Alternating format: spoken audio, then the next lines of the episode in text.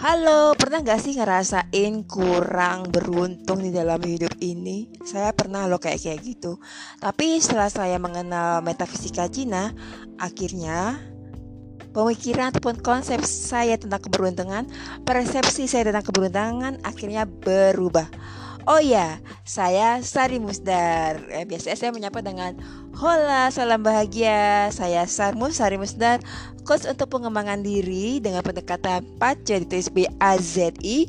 PACE adalah metafisika Cina yang tujuannya untuk manusia mendapatkan kesadaran tentang dirinya karena dia akhirnya tahu tentang bakat, karakter, fungsi dia di dalam masyarakat ataupun perusahaan, terus juga misi dia kenapa ada di bumi, uh, juga peluang, tantangan dan keberuntungan per 10 tahun di dalam dekade hidupnya.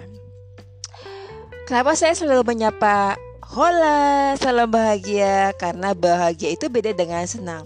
Kalau kalau senang lebih ke nafsu misalnya ada orang susah kita senang.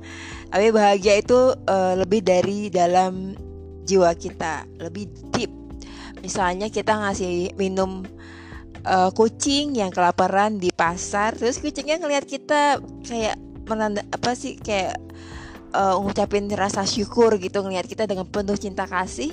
Terus kita jadi apa terharu pengen nangis.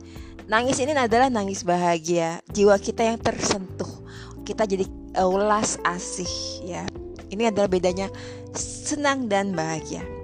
Balik lagi untuk yang kesasar di podcast ini baik di Anchor, uh, Google Podcast ataupun di Apple Podcast ataupun di Spotify. Kebanyakan yang dengar saya saat ini adalah dari Spotify. Mungkin belum tahu saya atau kemarin ketinggalan pas saya muncul di uh, Kompas TV saat acara Imlek bersama beberapa tokoh antara lain adalah uh, Marcel ya, Master Chandra Winata dan dan pasangannya. Uh, perkenalkan saya Sari Musdar. Orang sebagian orang mungkin mengenal saya sebagai penulis buku bestseller Cinderella in Paris, novel untuk perempuan tangguh. Tapi sebenarnya saya lama bekerja di bidang manajemen sumber daya manusia di beberapa industri, kebanyakan adalah perusahaan multinasional. Saya adalah seorang empat. Empat itu adalah orang yang peka terhadap energi makhluk hidup. Baik yang terlihat dan tidak terlihat juga ada beberapa yang peka ke alam semesta. Misalnya peka ke gunung. Kalau gunung mau meletus uh, dia peka. Ada beberapa yang seperti itu. Tapi saya bukan. Balik lagi kali ini saya ingin ngebahas tentang keberuntungan. Dulu uh, saya pernah ngerasa diri saya nggak beruntung. Karena saya bandingnya sama kakak saya yang menurut saya hidupnya tuh kayak lancar mulus ya kayak jalan tol baru diresmikan. Uh, kayak nggak ada halangan gitu. Dan kalau mikir-mikir misalnya dari segi AQ dan segala macam AQ saya agak uh, agak lebih tinggi dari dari kakak saya. Tapi dia memang lebih beruntung lah pokoknya. Uh, sampai saya akhirnya uh, tahun 2019 saya belajar pace ditulis BAZI tadi. Uh, terus akhirnya saya menemukan bahwa sebenarnya uh, saya itu cukup beruntung ya. Uh, saya dikasih beberapa bakat um, terus juga apa namanya ada bakat untuk kaya misalnya ya.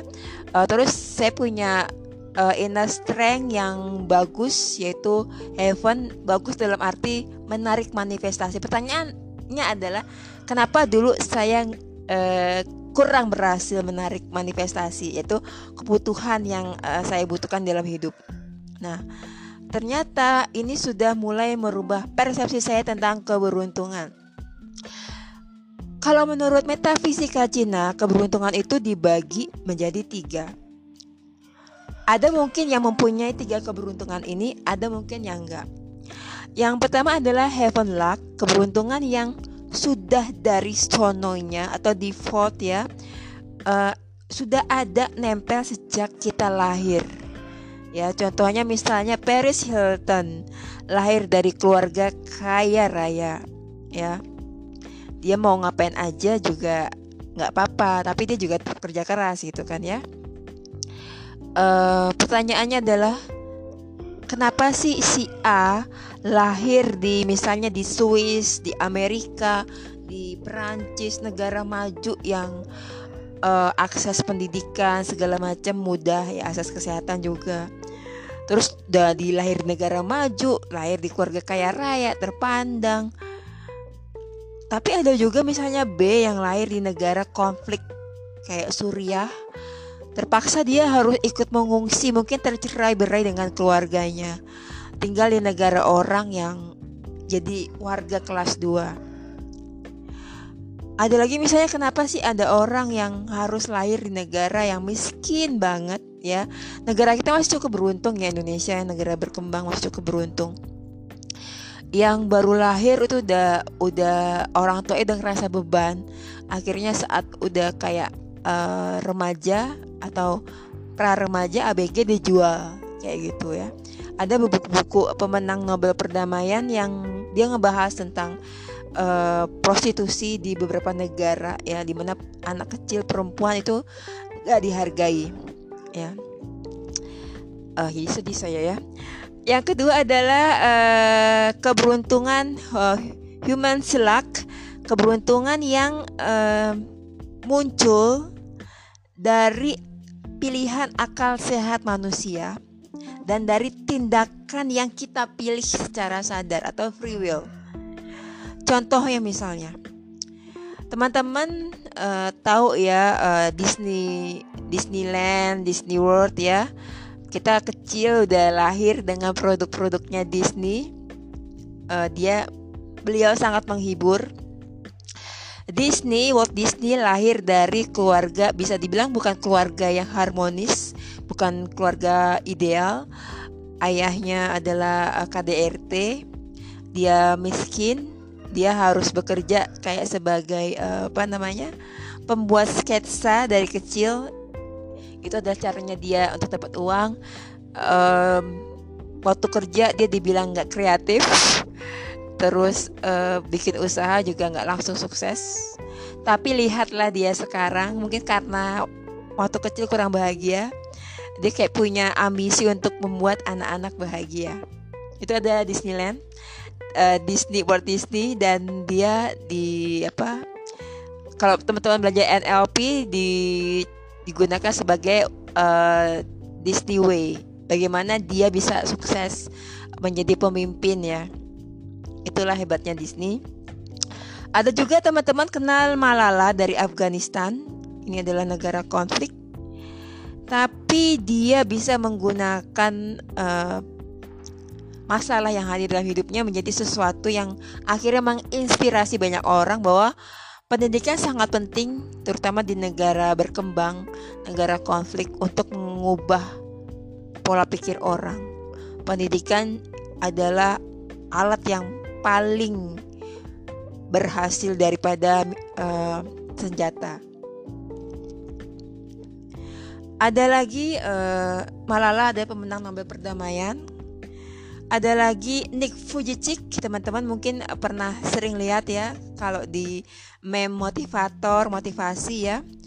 Uh, adalah seorang laki-laki yang tidak punya kaki dan tangan, tapi dia bisa berhasil sebagai pengusaha dan juga sebagai motivator ya sebagai pembicara sering uh, dia berbicara untuk anak-anak remaja.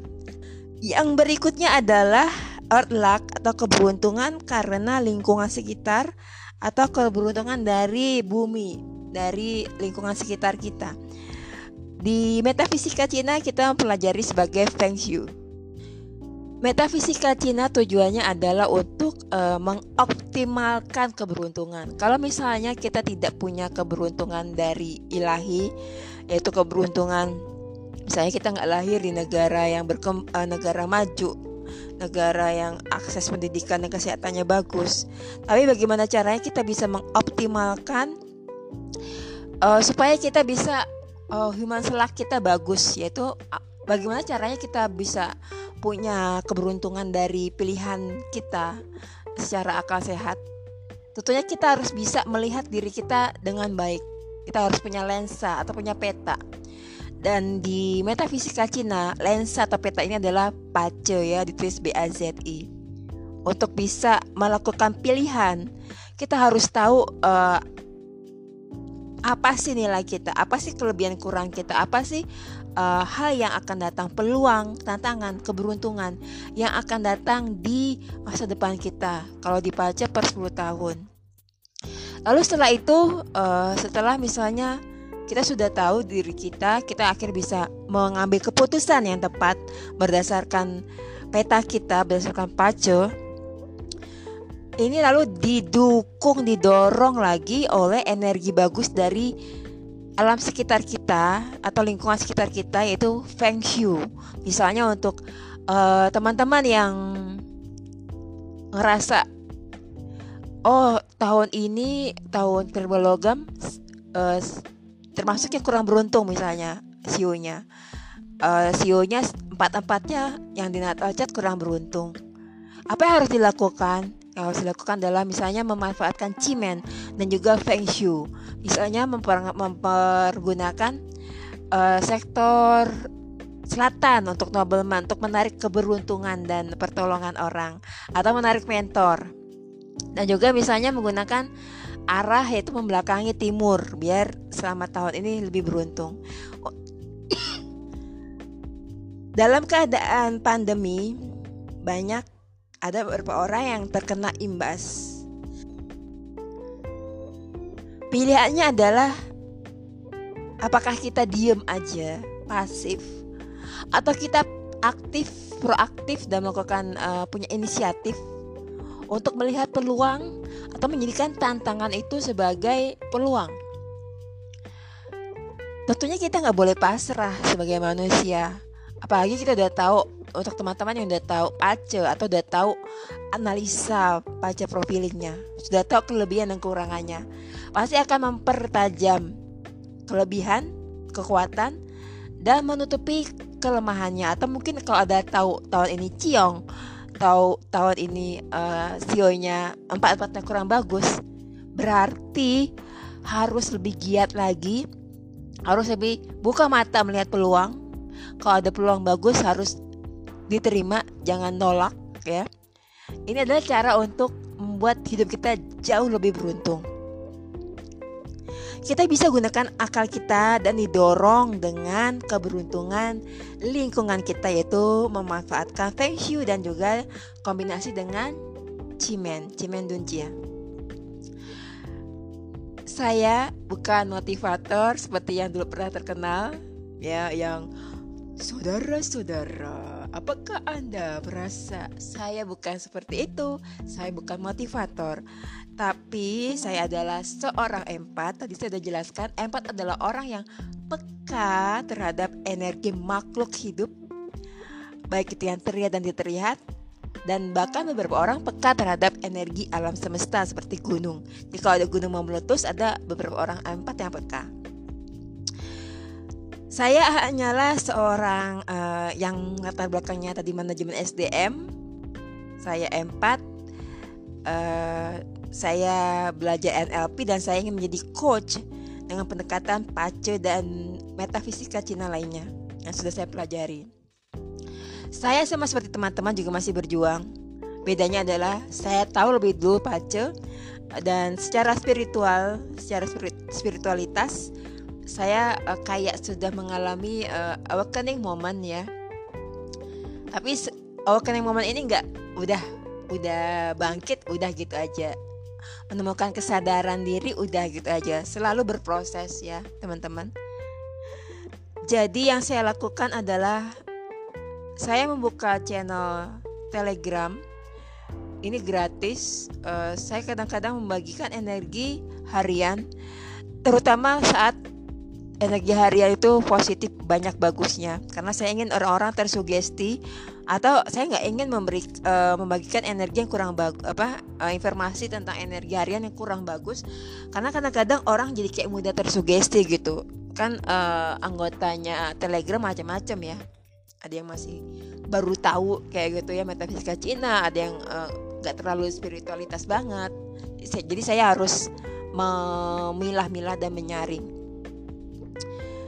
saya bukan motivator, saya adalah coach. Coach adalah orang yang mengarahkan klien-kliennya. Dan menurut saya pekerjaan sebagai pace coach ini bukan melulu tentang uang ataupun ketenaran. Kalau misalnya jadi saya jadi lebih tenar itu mungkin uh, kayak bonusnya yang dan efek dari ada sio ayam di natal chart saya. Tapi yang terutama adalah saya ingin uh, saat saya sudah berubah, energi saya berubah karena saya belajar pace, cimen, dan feng shui. Saya berubah karena misalnya uh, saya berubah karena Dato Joyep karena saya ikut kursus beliau dan beberapa konsultannya. Saya ingin juga orang bisa berubah juga. Jadi yang saya lakukan saat ini membantu orang bukan dengan dengerin curhat karena saya empat. Jadi saya uh, kadang-kadang bukan kadang-kadang seringnya saya menyerap energi orang termasuk energi yang kurang bagus kalau saya lupa bikin proteksi. Yang ingin saya lakukan per 2021 adalah mengajak orang untuk menolong dirinya sendiri dengan memperbaiki energinya dan itu sebenarnya bisa. Kalau saya bisa, orang lain juga bisa. Uh, sekedar tambahan untuk awakening woman ini adalah proses spiritualitas. Spiritual adalah berkaitan dengan jiwa masing-masing dan setiap orang akan berbeda. Spiritual beda dengan agama. Agama semuanya sama maksudnya misalnya Islam ya gitu aja. Islam Kristen semuanya gitu. Katolik semuanya gitu. Tapi spiritual lebih ke jiwa masing-masing. Prosesnya berbeda. Nggak bisa dibilang salah atau benar. Misalnya kayak saya uh, saat ini saya muslim ya. Saya lahir sebagai uh, saya lahir uh, di kehidupannya saat ini dan memilih muslim misalnya. Saya memilih Islam proses spiritualitas saya akan berbeda dengan orang lain walaupun sama-sama muslim misalnya. Dan itu nggak ada salah nggak ada benar. Mau dibilang halo ataupun nggak terserah. Tapi yang penting saat kita menemukan kesadaran diri atau kita jiwa kita bangkit kita menemukan the hearth, uh, the higher self of ourselves the higher self kita jadi kayak lebih bahagia. Kita kayak nemuin uh, sinar terang yang ada di ujung tunnel. Sebenarnya tunnelnya sih nggak ada ya, itu hanya persepsi kita. Kita aja yang uh, belum bisa melihat hidup ya. Pada saat kita menemukan awakening moment, kita bangkit jiwanya, kita sadar, oh ternyata sebenarnya nggak ada tunnel yang gelap, hanya kitanya aja yang tidak bisa melihat dengan lebih baik. Sebelum melantur, saya sudahi ini saja teman-teman. Jadi jangan terbelenggu pada heaven luck ya uh, keberuntungan yang sudah diberikan sejak lahir. Itu bukan hambatan. Tuhan tentunya memberikan kita dengan banyak cerita takdir ya ujian hidup yang beda-beda. Bahkan saudara kandung pun di dalam satu keluarga satu rumah akan mengalami ujian hidup yang beda karena jalan hidupnya akan beda. Dan ini sangat terlihat ya kalau teman-teman lihat pace profiling orang-orang. Sekali lagi jangan merasa rendah diri jangan merasa berprasangka buruk kepada Tuhan. Kenapa Tuhan dia lebih beruntung dan saya enggak? Ubah persepsinya ubah prasangka kita dalam melihat Tuhan kita. Dan saat kita melihat Tuhan baik, hidup kita akan berubah jadi baik. Kalau kita selalu berprasangka buruk dengan Tuhan kita, kita akan menarik energi buruk juga. Jadi jadilah energi yang ingin kita tarik ya. Be the energy you want to attract. Kita pengen menarik energi kebahagiaan, kemakmuran, kesehatan kita harus sudah mengkondisikan diri kita seperti itu. Energi yang ada di dalam diri kita seperti itu. Itulah keberuntungan. Terima kasih teman-teman untuk yang baru dengerin podcast saya. Jangan lupa dengerin uh, bukan dengerin gabung di telegram saya. Pace Wisari. Itu saya B A Z I Wisari. Gratis kalau pertanyaan bisa DM saya di Instagram, uh, tapi jangan curhat. Terutama jangan curhat masalah pernikahan, masalah uh, eh, KDRT, masalah perceraian. lebih baik hubungi uh, konselor pernikahan atau teman-teman yang sudah menikah juga. Karena ini mempengaruhi alam bawah sadar teman-teman yang belum menikah ya. Uh, maklumilah mereka uh, sayangilah mereka. Mereka juga ingin punya pernikahan yang bahagia pasti pernikahan ada up and down pasti ada masalah. Dan orang-orang single juga sadar ya pernikahan itu bukan sesuatu yang uh, bim salah bim kayak zaman dulu ya Cinderella. Uh, kalau di psikologi dulu ada Cinderella apa namanya sindrom. Perempuan selalu berpikir akan bahagia jika menikah. Padahal ada syaratnya Seseorang akan bahagia kalau dia menikahi orang yang menghargai dia, mencintai dia, kayak ketemu soulmate ya eh, orang yang mencintai karena jiwanya. Karena kalau biasanya laki-laki terutama ya. Perempuan istrinya udah nggak cantik gampang beralih ke yang lainnya. Itu kalau hanya mencintai raga. Eh kalau mencintai diri sebagai paket lengkap terutama jiwa jiwa pasangannya dia akan susah beralih untuk ke orang lain. Karena ya beralih itu biasanya karena masalah fisik aja sih ya. Susah untuk temuin yang kayak gini terus terang. Biarkanlah orang-orang bahagia dengan caranya dengan sesuai jalannya dengan misinya. Itulah yang namanya keberuntungan. Terima kasih sudah mendengarkan terima kasih sudah nyimak jangan lupa jadikan uh, podcast Sari sebagai podcast favorit atau uh, follow podcast Sari terutama yang di Spotify ya I'm sending my virtual hugs to you.